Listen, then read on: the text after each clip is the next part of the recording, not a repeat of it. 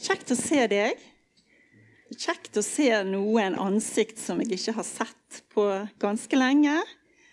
Og så gleder vi oss selvfølgelig til uh, kirkelokalet kan være fylt. Og vi kan sitte tett og godt sammen. sant? Det er ikke sånn spredt. Og så flott for deg som følger hjemme òg. Og vi er jo blitt, blitt, vant til det gjennom dette året at, uh, ja, at vi uh, må variere litt. Litt i kirkelokalet og, og, litt at vi følger digitalt. Sånn er det. Eh, jeg kommer fra Betel Bergen, er pastor der. og når Terje Breivik spurte om jeg ville komme her og, og, forkynne, så spurte han om jeg kunne dele litt om hvordan det går. Så jeg har bare lyst til å si litt, for uh, vi hadde jo en uh, sammenslåingsfest for ett år siden. Der, vi, der Misjonskirken Betel som er over 160 år, slo seg sammen med Pionerkirken, som eh, da var sånn 1920 år. Eh, så vi hadde akkurat hatt fest vi, 7. og 8. mars i fjor. Eh, med fullt lokale, og så ble det stengt ned. Så det var litt sånn, litt sånn utfordrende start på en ny menighet, kan man si. Men jeg kan bare si at vi har det utrolig bra. Eh, og I denne tiden så har vi, vi, har, vi har ikke kunnet treffes som menighet alle. fordi at uh, vi er altfor mange til å kunne være i det lokalet med avstand og alt. Så nå kjører vi to gudstjenester hver søndag når vi har mulighet til det. Og det har vært mye folk, uh, altså så mye som vi har lov til. Og så blir det jo digitalt ellers. Eh, men det, så, det, vi gjorde når, eh, når, det ble nedstengt rett etter, det var det at vi begynte å bygge opp et sånt diakoniteam for å på en måte ta vare på alle medlemmene. Vi kjente jo ikke alle medlemmene våre.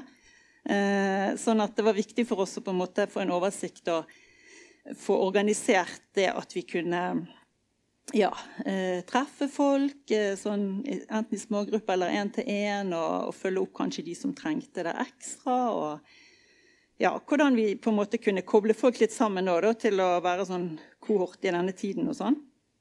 Eh, så det har utviklet seg til å bli noe veldig bra. Og vi har òg eh, hatt retreater gjennom hele året, enten på Zoom eller eh, i kirken, der vi møter eh, mennesker og får lede dem gjennom eh, eh, ja, gjennom bønn og det er sånn gjenopprettelse og legedom i det på det indre plan. Så utrolig bra. Og så har vi da en, en del sånn kollektiv med studenter som vi òg får følge opp og disippelgjøre. Og, og, det skjer mye positivt der òg. Nå er noen begynt å gå fast og ut på gaten. og eh, ja, bygger relasjoner med noen der som, eh, som er veldig så spennende.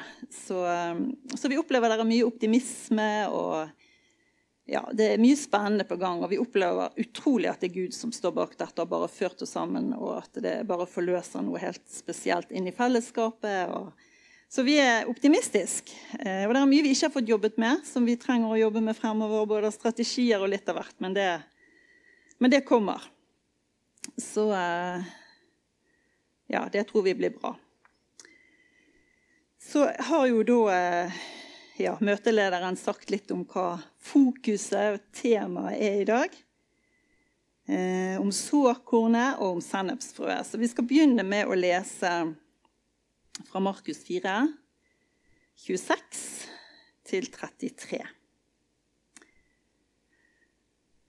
Og han sa, med Guds rike er det slik. Det er som når en mann har sådd korn i jorden. Han sover og står opp. Det blir natt, og det blir dag. Og kornet spirer og vokser, men han vet ikke hvordan det skjer. Av seg selv gir jorden grøde. Først strå, så aks, og til sist modent korn i akset. Så snart grøden er moden, svinger han sigden, for høsten er kommet. Sennepsfrø. Han sa, hva skal vi sammenligne Guds rike med? Hvilken lignelse skal vi bruke? Det er som et sennepsfrø. Når det blir sådd, er det mindre enn noe annet frø på jorden.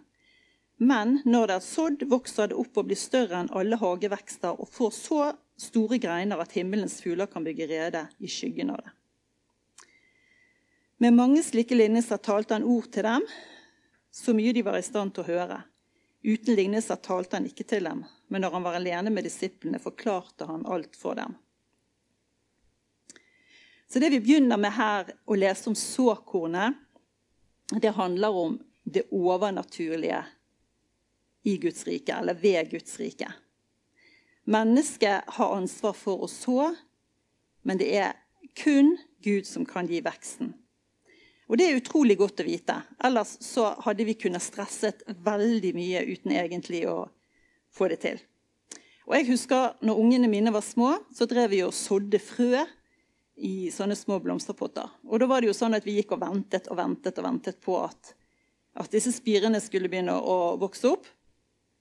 Og så var det en som ble litt utålmodig, så han begynte å grave nedi for å leite etter dette frøet. Hva skjer? Hvor blir det av det? Og sånn er det vel kanskje litt. Eh, men det gjorde vel ikke akkurat at veksten gikk fortere av den grunn. Og så er det jo vanskelig å forstå egentlig denne prosessen som, som skjer i dette. Men veldig godt at vi egentlig ikke skal bekymre oss om akkurat det.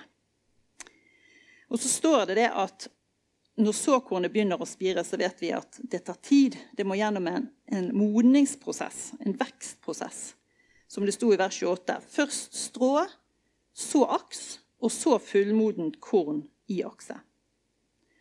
Og bonden han kan ikke forvente at det er modent med en gang. Han vet det at, at han må være tålmodig. Han må vente på denne vekstprosessen som tar tid. Og vi har stor frukthage inne i Sogn. Og der vet vi at vi er nødt til å vente til eplene blir modne. Selv om eplene kan se knallgode ut, så vet vi at det er for tidlig. Vi må ikke ta de ennå, for da, det blir ikke et vellykket resultat. Da er de ikke gode å spise, de er ikke gode å lage noe av, og de er ikke gode å presse. Så det som handler om modning, det er på en måte helt utenfor vår kontroll. Og alle de gangene vi har reist inn for å plukke plommer, og så har ikke de vært modne. Og så når vi kommer igjen, så ligger de under treet. Så sånn sett så er jo vi egentlig dårlige bønder, da. Som ikke er til stede når frukten faktisk skal høstes. Og så er det ingenting vi kan gjøre for å få den frukten til å vente på oss. Hvorfor skal plommene bli moden mellom sommerferien og høstferien? Hvorfor kunne ikke de lagt det til én av feriene våre? Ja, sånn er det. Det er ikke vi som eh, styrer de tingene der. Og så er det sånn at Selv om vekstprosessen tar lang tid, så er det sånn at når modningen først er der, når høsten er klar, da, da gjelder det å være der. Da må arbeiderne ut og få inn høsten. Som det sto, så snart grøden er moden, svinger han signen, for høsten er kommet. Og sånn er det jo òg med Guds rike. At det er et såarbeid, det tar tid. Vi sår og vi sår og vi sår, og mange får jo heller ikke se frukten eller resultatet. Det er det kanskje andre som får se. Så på den ene side så kan vi slå fast at Guds rike det vokser av seg sjøl. Det er ikke noe vi mennesker kan hindre, for Jesus sier at han vil bygge sin kirke. Samtidig så er det noe med at den enkelte må stelle sin egen åndelige plante og legge til rette for vekst i eget liv. At såkornet er Nei, at, at jordsmonnet er sånn at såkornet kan få vokse. At det er mottagelig, og så at vi gir det næring.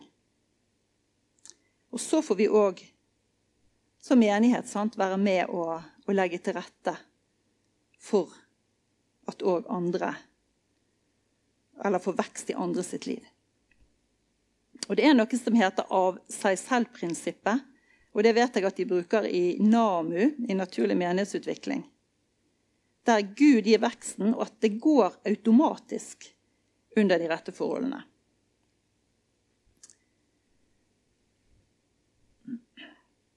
Poenget er at det som, det er som med frøet, det har en, en iboende sprengkraft. Og sånn er det òg med Guds ord. At det har en, eller en spirekraft, da. Eh, av seg selv bærer jorden grøde. Så så lenge kornet får ligge i jorden, og det får de vekstvilkårene som, som det trenger, så vil kornet etter hvert bære frukt. Og vi mennesker vi kan aldri tilføre det livet inni, inni kornet. Vi kan aldri tilføre mer liv inni det kornet enn det som allerede er der. Det er ute av vår kontroll. Det er Guds verk.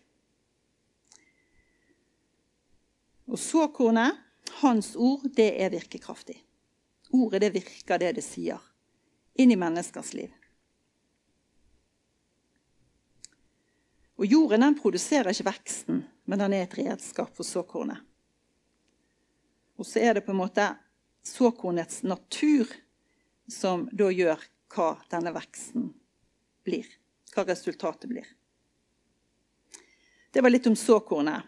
Og så var det litt om sennepsfrøet, som òg er et bilde på Guds rike.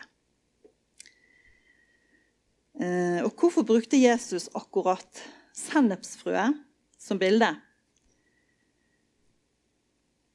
Sennepsfrø er lite, og det ble til noe veldig stort. Og det er det egentlig mange andre vekster òg som eh, på en måte har noe av det samme. da.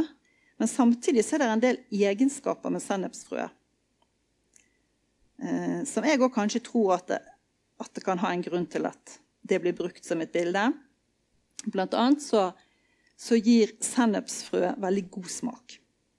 Og, eller for de som liker sennep, i hvert fall, så er det en god smak, men den gir uansett en kraftig smak. Og Enten er det vel sånn at man liker sennep, eller så liker man det absolutt ikke. Eh, og jeg syns at at sennep er godt, og jeg liker den spesielle spissen det setter på maten. Men så er det jo sånn at det lager smak på alt den kommer i nærheten av. Hvis man har det i en matpakke sammen med noe annet, så vil det nok smake sennep av det meste. Og så er det, det er liksom kraft i den. Det er skikkelig futt, futt i denne sennepen. Og så har jeg lest at den har faktisk helbredende kraft òg. Og det var et, et frø som de brukte til å utvikle medisiner før i tiden sånn plantemedisiner, eh, som både skulle virke inn på insektbitt og tannverk og magesmerter og litt av hvert. Så selv om vi kanskje tenker på sennep mest i forbindelse med pølser og hotdog, så har han ganske mange gode egenskaper og bruksområder utenom òg. Og jeg tenker at alle disse egenskapene som sennepsfrø har, det kan jo sammenlignes litt med Guds rike. Selv om eh, ja, og, det, og at det er derfor det blir kalt et Guds rike frø. Selv om Guds rike er jo mye mer selvfølgelig enn en dette. Men det er noe med at det er smakfullt og spisset, og at det, det, det kommer i berøring med, det virker det inn på. Og at det har helbredende effekt. Ja. Og at det er litt sånn guffe i det. Det er mye guffe i Guds rike. Men uansett, selv om eh, sennepsfrø har disse egenskapene, så er det jo ikke det som først og fremst blir trukket frem her. Her er altså fokuset evnen til, til vekst. Til å kunne bli større enn alle hagevekster, sto det, som himmelens fugler kunne bygge rede i. Og så vet vi at et tre eller en busk den er mer enn det vi bare ser over bakken. Vi vet at det er veldig mye som skjer under bakken. Vi vet at det er et rotsystem. Og hadde ikke det vært det, så hadde ikke det vært noe liv i den planten. Eh, men at det er dette rotsystemet som sørger for næring som, vann, eller som treet trenger. Og Sånn er det jo òg med mennesker. At vi òg har på en måte et sånt rotsystem på innsiden. Eh, og vi er avhengig av eh, hva er det hva er det som blir sådd i våre hjerter? Hva er det som blir sådd i vår sjel? Hva er det som får lov å slå rot i våre liv? Og det vil eh, vise i vårt ytre hva, eh, hva som får lov å vokse på innsiden av oss. Og Derfor er det jo òg viktig å være bevisste på, på den føden som, som vi tar til oss.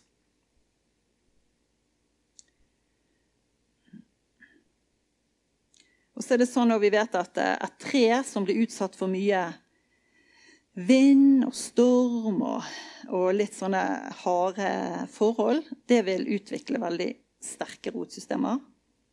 Da, da utvikler det røtter for å liksom gripe tak og holde seg fast. eh, som òg vil være til hjelp i de neste stormene som kommer. Og Sånn er det jo litt med oss som mennesker òg. At, eh, at eh, hvis vi står gjennom stormer, så er vi på en måte òg mer rustet til å møte nye stormer og kamper som kommer. Og så er det sånn at Guds menighet og Guds rike det har alltid gått frem. Eh, under forfølgelse og under vanskelige forhold. Og selv om, selv om det kan se tilsynelatende og puslete ut, så, så, vet vi at Guds rike det går frem. Forutsatt at det holder seg nær kilden. Og får lov å bygge dette rotsystemet som holder i kampene. Og så er det fint, som jeg har sett noen ganger når vi er i skogen og trærne står litt tett, så er det av og til vi ser at, at det er et tre som har veltet litt eller holdt på å falle, og så har det landet på et annet tre. Jeg så et sånn, et sånn fint eksempel på det en gang. Det, det hadde landet liksom midt imellom eh, to greiner på et tre, og der lå det bare og hvilte. Og så fortsatte det å vokse. Og jeg tenker Det var egentlig et, et veldig godt bilde på det med å, at de sterke kan få bære de svake. Det, for det handler om legeme. Så det ble talende til meg at som trær òg kan støtte hverandre i skogen, så, så, er vi som menighet òg kalt til det samme. Eh, at de sterke skal bære de svake. Være oppmuntrende til hverandre og ja.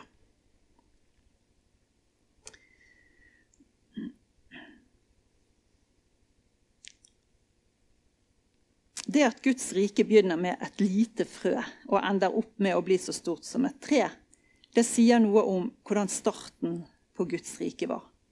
Det begynte veldig forsiktig. Jesus begynte med de tolv, og de hadde ikke mange tilhengere helt i starten. Men så vet vi at flere og flere ble tillagt, at riket har vokst og vokst. Og selv om kanskje her i Vesten man, man kanskje ikke tenker at det er her det vokser mest, så så vokser det, og når Jesus kommer igjen, så vil det være et kjemperike. Da har det vokst til å bli noe stort, som dette treet beskriver. Et sted hvor fuglene kan bygge reder. Og jeg var litt i stuss om hvem disse fuglene er, men jeg tenker at det er et sted som er trygt og stabilt, og hvor man kan finne hvile og slå seg til ro. Guds rike. Og når man snakker om å ha tro som et sennepsfrø, så handler det ikke om størrelsen, lite tro eller stor tro, men at det handler om denne her dynamitten, denne sprengkraften som er faktisk i det lille frøet. Det handler om den kvaliteten. Det som er energisk og smakfullt og sterkt, og som påvirker det som det kommer i berøring av. Og når man biter i sennepsfrø, så gir det virkning. Eh, en liten bit kan gi stor effekt. Og sånn er det med Guds rike. Guds rike det påvirker der det går frem. Det påvirker mennesker, og det påvirker omgivelsene. Fordi at kreftene i dette riket er spesielt. Og Det er vi bevis på, og det er, har vi veldig mange andre beviser på. Og masse vitnesbyrd om at eh, kraften i Guds rike og Den hellige ånds kraft får lov å forvandle mennesker. Og det er et usynlig rike som vi er bærere av. Og Jesus har kalt oss til først å søke Hans rike. Og så sa han òg at grunnen til at han kom her til jorden, det var for at han skulle forkynne Guds rike som det står i Lukas 4,43. Han sa til dem, også i de andre byene må jeg forkynne evangeliet om Guds rike, for til det er jeg utsendt. Og det står, Uttrykket Guds rike det står 85 ganger i Nytestamentet. Jeg har ikke lest, det, men jeg stoler på at det stemmer. I hvert fall er det noe som eh, ofte blir løftet frem, og spesielt i evangeliene. Det som handler om Guds rike. Og Den første talen som Jesus holdt, som det står om i Markus 1,15, der står det Tiden er inne, Guds rike er kommet nær. Venn om og tro på evangeliet. Og Det var Jesus som brakte Guds rike nær. I den gamle pakt, i Gamle testamentet, der var ikke Guds rike nær på den måten. Men Jesus kom med Guds rike. Når han døde og sto opp igjen, så brøt han det som var ødelagt mellom Gud og menneske, og gjenopprettet forholdet. Sånn at vi har tilgang helt inn til tronen, til vår far. Og så blir vi bedt om i Fader vår å be Komme ditt rike, skje din vilje. Så vi, vi skal få være med og be om det. At enda mer av Hans rike skal få lov til å gi seg utslag i våre egne liv, og på områdene vi bor, og der vi er. Guds rike det bærer med seg helt andre kvaliteter og frukter enn verdens rike. Og Det siste Jesus sa til disiplene før han steg opp til himmelen, det var òg at han talte om det som hører Guds rike til. Og Guds rike det består ikke i ord, men i kraft. Første Tessalonikeren 1,5. For da vårt evangelium kom til dere, skjedde det ikke bare med ord, men også med kraft, ved Den hellige ånd og med full overbevisning. Jesus han irettesatte ofte fariseerne fordi at de, de la åk på folket med bud og regler. Og uten Den hellige ånd, uten Den hellige ånds kraft så blir det slaveri. Men Jesus han kom for å sette oss i frihet og gi oss liv.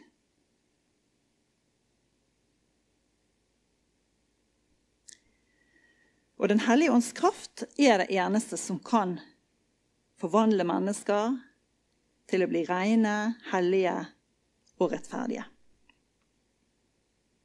Og så er det noe med at hvis vi skal få lov å bringe dette riket ut til andre mennesker, så må ordet først få lov å ta bolig i våre hjerter.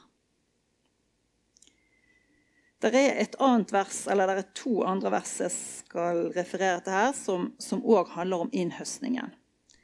Eh, og Det ene er Lukas 10,2. Jesus sa til dem, høsten er stor, men arbeiderne få. Be derfor høstens herre at han vil drive arbeideren ut til sin høst. Og så er det Johannes 4,35. Si ikke, nei, sier ikke dere at det ennå er fire måneder, og så kommer høsten? Se, jeg sier dere, løft deres øyne og se markene. De er alt hvite til høst. Jesus sier at høsten er stor. Det er noe han slår fast. Det er et faktum. Og det er ikke høsten Jesus ber for her, men han ber for arbeiderne. Fordi at arbeiderne er få. Og når høsten er stor, så betyr det at det er mange mennesker som er klare til å ta imot Jesus. Og da må de plukkes, så ikke det blir sånn som med plommene som blir overmodne. Og, og, så tror jeg det er sånn at de ofte tenker at fordi at den onde han prøver å få oss til å tro at høsten ikke er så stor. Og så vil han ha oss til å tro at folk ikke er mottagelige, og at folk egentlig ikke er interessert i å høre evangeliet. Og det er bare løgn. For det første så er høsten stor, og for det andre så er det så mange mennesker som lengter etter Jesus, og som faktisk er superklare for Jesus. Eh, og Når jeg snakker om at høsten er stor, så blir jeg alltid minnet om Arne Skagen. Jeg vet ikke om dere har lest boken hans 'Endelig mandag'. Men han forteller der om eh, en drøm han hadde. Der han sto ute ved en svær kornåker og bare, Han sa det var et så utrolig fantastisk syn der kornene bare var helt klare for innhøstning. Men så ble han plutselig veldig motløs, for han tenkte men i alle dager, hvor begynner vi? Hvor, hvor begynner vi for å få inn høsten? Og så opplevde han at Herren svarte. At han skulle se ned. Han skulle se ned på beina sine. Og Der la han merke til at skotuppene berørte noen aks som sto der. Noen modne aks. Og så sa høstens herre at der skal du begynne. For du kan kun høste det du selv Eller du kan bare høste den høst du selv berører. Og For oss alle så er det sånn at vi har moden høst rundt oss. For alle så er det sånn at skotuppene våre berører noen av disse modne aksene. Og Det kan være på arbeidsplassen vår, på studieplassen vår, i familien, i nabolaget, blant vennegjengen. Og så kan vi få lov å be om at Gud skal vise oss hvem som er moden høst. Sånn at vi kan begynne å be for dem, og kanskje møte dem med kjærlighet inn i livene deres. Når Jesus kalte disiplene sine, så sa han bare ganske enkelt 'følg meg'. Ingen spørsmål, ingen diskusjon. Følg meg. Og Da hadde de to valg. Enten det var å følge han, eller la det være. Det var ikke noe sånn halvveis greie. Det var enten all in eller ikke. Og det står det at de forlot alt og fulgte Jesus. Så det å gå sammen med Jesus, det handler om å, å følge han at han er vår mester, og at vi er hans disipler som følger han og gjør det han gjør. Og han spurte ikke disse fiskerne om de var kvalifisert. Han kunne jo ha bedt fariserene. Men det var enkle fiskere og enkle arbeidsfolk som Jesus brukte. Og det eneste han ønsket fra dem, det var villigheten til å bare følge han. Og det samme vil han gjøre med oss i dag. Og Nå lever vi i en tid der det er utrolig stor innhøstning veldig mange steder for Guds rike. Og markene er hvite òg rundt oss. Og så er vi nå i Nå er det ramadan.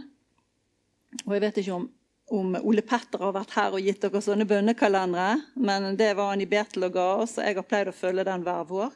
Og jeg tenker En utrolig viktig tid eh, å løfte opp muslimene i denne tiden. fordi at mange de, de, er i bønn og de er i faste, og de er veldig sensible for det åndelige. Og jeg tror at Gud virkelig òg benytter sånne tider til å, til å, bøte mange av disse. Så jeg tenker at eh, ja, vær med og be for muslimene i denne tiden. Vær med og be om at de skal få lov å se Jesus virkelig som som veien, sannheten og livet. Og være med og ja, for han berører våre hjerter, så vi òg får nød for de og får nød for verden. Det er så viktig. For Denne nøden trenger vi for å få være med oss og nå ut til mennesker. Vi trenger at han legger noe av nøden sin, sitt hjerte, inn i våre hjerter. Og så blir vi bedt om å løfte blikket fra det som er nært, og fra det som er trygt, for å se den modne høsten for å se de ufrelste menneskene som enten lever i vårt nabolag, eller som lever langt unna. Som kanskje fortsatt ikke vet hvem Jesus er. Be høstens herre om å sende utarbeidere. Og så må vi òg være, klare når vi ber den bønnen til at vi kan være den høsten. Eller at vi kan være den arbeideren. At Han at han vil bruke oss. Så be Gud vise hvem din høst er, og hvem du blir minnet om. Og så tenker jeg Det er så viktig at vi vet at vi er bevisste hva vi er bærer av. Hva vi har på innsiden. At vi er bærere av Hans rike. Og det vil prege de som er rundt oss. Der vi er, der er himmelriket nær. Og så får vi lov å være med å lekke. Lekke Guds rike til de menneskene som er rundt oss. Som skatten i leirkar så kan vi føle oss så ubrukelige, lite betydningsfulle. Men så er det disse sprekkene i livet vårt der skatten bare får lov til å skinne gjennom. Der Jesus får lov å lyse. Jeg tror vi skal avslutte der. Kjære Jesus, jeg bare takker deg for, for, ditt ord til oss i dag. Vi bare takker deg, Jesus, for det at vi får lov til å være med og bygge sammen med deg.